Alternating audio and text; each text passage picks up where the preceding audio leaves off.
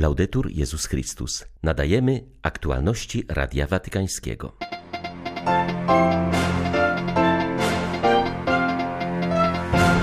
Trzeba mieć odwagę śmiałego działania bez strachu, ponieważ mafie zakorzeniają się, gdy lęk ogarnia umysł i serce, napisał Ojciec Święty na trzydziestolecie od zamachów mafijnych na kościoły w Rzymie. Po wizycie prezydenta Wietnamu Vo Van Tuonga u papieża Franciszka ogłoszono, że reprezentant stolicy apostolskiej będzie na stale rezydował w Wietnamie. Ludzie są tutaj bardzo zaniepokojeni. Chcemy dać im możliwość ponownego zadbania o swoje rodziny, podkreśla sekretarz Caritas Internationalis Alistair Dutton po swojej wizycie na Ukrainie. 28 lipca wita Państwa ksiądz Tomasz Matyka. Zapraszam na serwis informacyjny. Tchórzliwy akt, który wstrząsnął wiecznym miastem w nocy z 27 na 28 lipca 1993 roku, głęboko poruszył dusze wierzących na całym katolickim świecie, napisał papież w przesłaniu z okazji 30-lecia zamachów mafijnych na kościoły w stolicy zachodniego chrześcijaństwa. Słowa Ojca Świętego odczytał minionej nocy biskup Baldassare Reina podczas procesji z pochodniami między Bazyliką Świętego Jana na Lateranie oraz kościołem Świętego Jerzego na Velabrum. Wybuch dwóch samochodów na placach przed kościołami doprowadził do zniszczeń w licznych budynkach w okolicy. 22 osoby zostały ranne. Atak zinterpretowano jako odwet za mocne słowa papieża Jana Pawła II wypowiedziane w agrygencie przeciwko mafii kilka miesięcy wcześniej. Ponadto uderzenie w centrum wiecznego miasta miało spowodować destabilizację społeczną.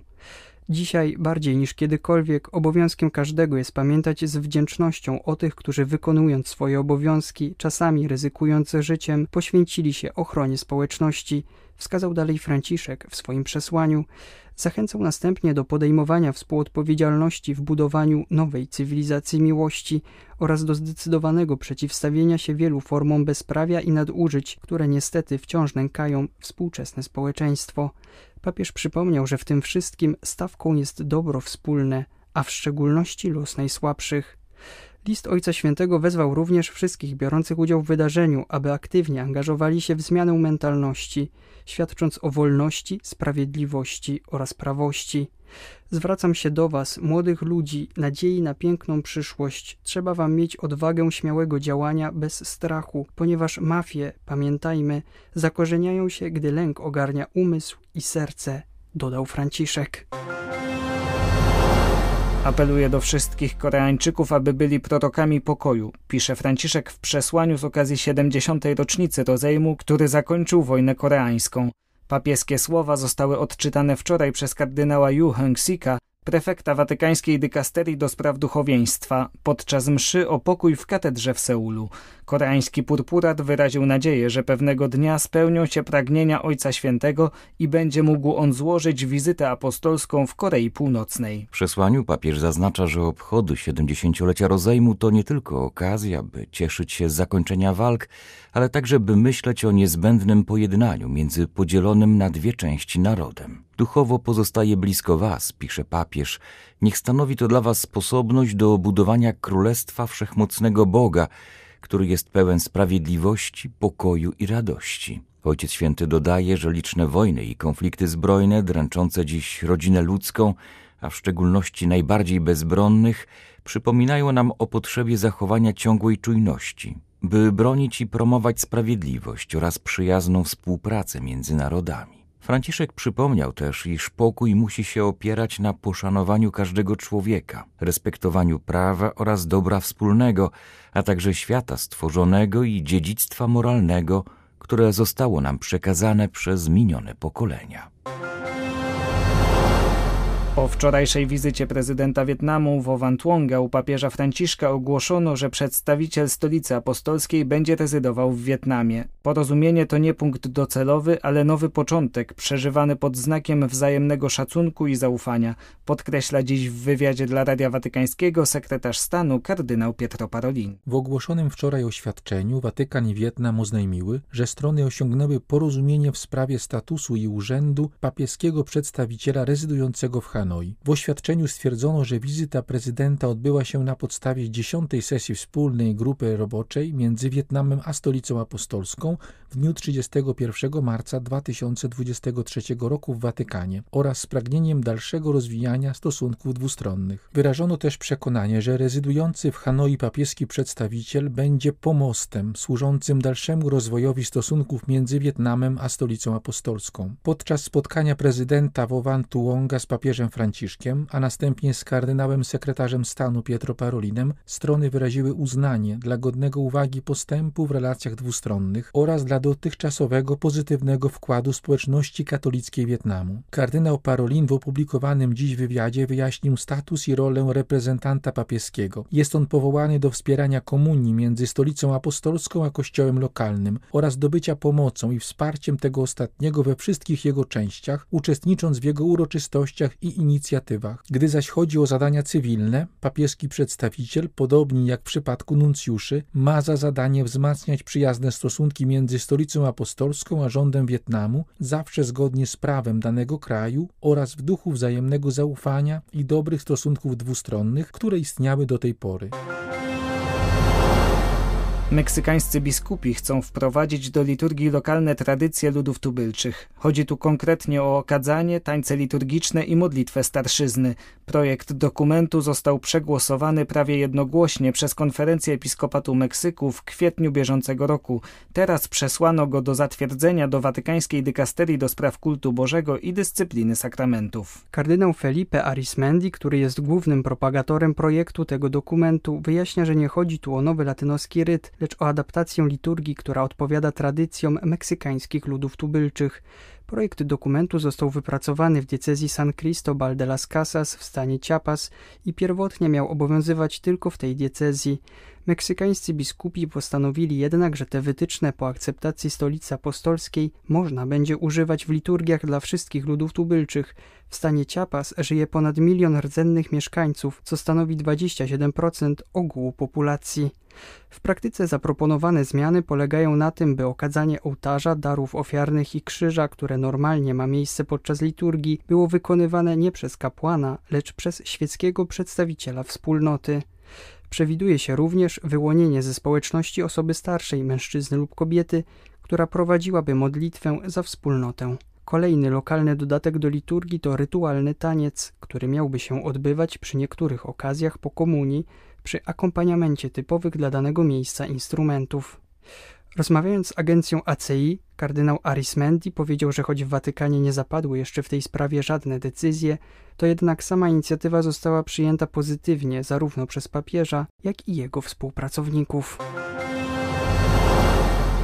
Ludzie są tutaj bardzo zaniepokojeni, mówi sekretarz Caritas Internationalis Alistair Dutton po swojej wizycie na Ukrainie. Chcemy dać im możliwość ponownego zadbania o swoje rodziny, podkreśla. Opowiada ponadto o niesamowitych wolontariuszach, którzy pomagają poszkodowanym, o aktualnych potrzebach i perspektywach na dalsze wsparcie. Jak podkreśla, dotychczas udało się objąć pomocą ponad 3 miliony uciekinierów. Część z nich szuka ratunku na bezpieczniejszych terenach Ukrainy, reszta przenosi się do Polski albo innych nieogarniętych wojną krajów. Szkot jest pod wielkim wrażeniem pracy na miejscu organizacji, która działa na tym terenie jako grecko-katolicka Caritas Ukraina oraz rzymskokatolicka Caritas Spes.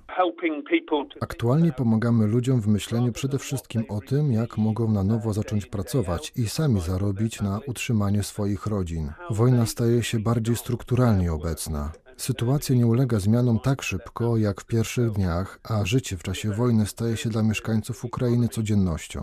Ludzie są zmęczeni, a to pozostawia ślad na ich psychice. Papież Franciszek tak często mówi, że wojna stanowi zawsze porażkę i to pokój musi być ostatecznie naszą odpowiedzią, bo to on pozwoli ludziom wrócić do normalności. Społeczność międzynarodowa nadal powinna pracować na rzecz pokoju oraz sprawiedliwości. Zaś w tym kontekście musi chodzić o to, żeby naród ukraiński nie został pokonany, a także żeby jednocześnie pokój mógł zostać przywrócony w ich kraju. Ponadto Alister wskazał na zaangażowanie członków Caritas. Są oni absolutnie niesamowici i pozostają bardzo blisko swoich ludzi, służąc im z ogromnym oddaniem oraz zaangażowaniem, powiedział sekretarz organizacji.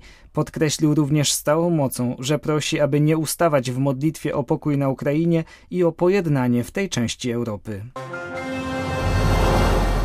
Ludzie niewinnie sobie siedzieli i zabiły ich kule. W przeciągu tygodnia utraciliśmy około 17 osób, wskazuje arcybiskup Andrew Nkea. Ordynariusz Bamendy w Kamerunie odnosi się tak do sytuacji w tym regionie kraju, a zwłaszcza do wydarzeń z 14 i 16 lipca.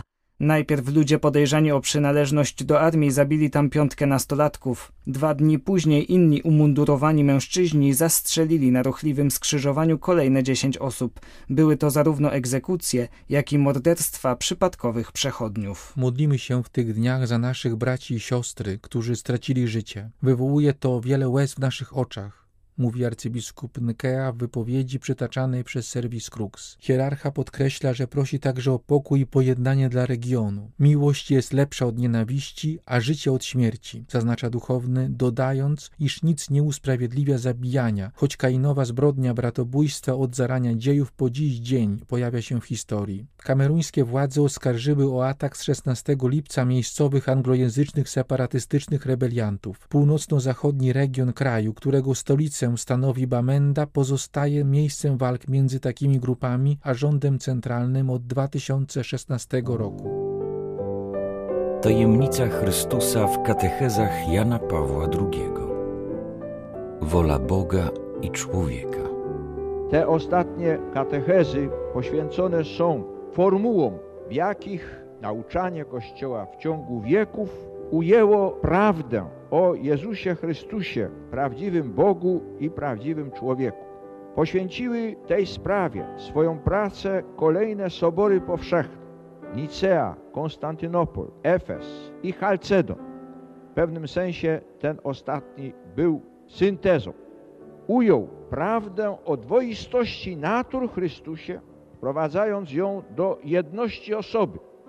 W Jezusie Chrystusie jedna boska osoba, boskie ja, słowa Syna, w dwóch naturach, boskiej i ludzkiej. I to ma swoje konsekwencje, gdy chodzi o działanie Chrystusa, o Jego wolę.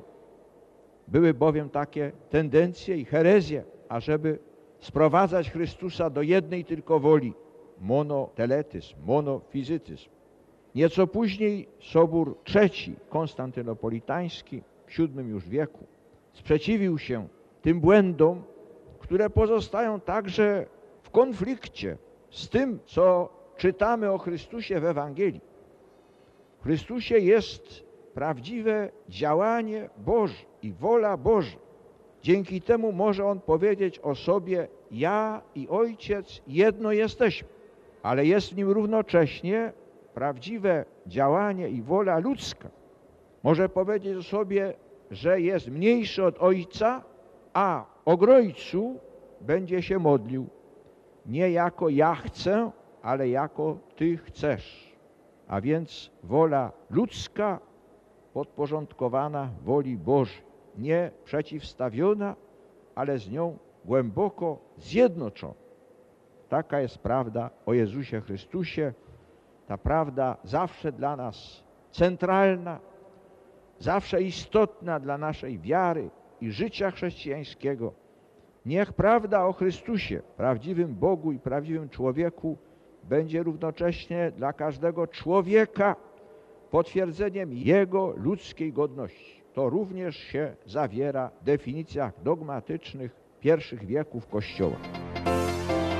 Były to aktualności Radia Watykańskiego. Laudetur Jezus Chrystus.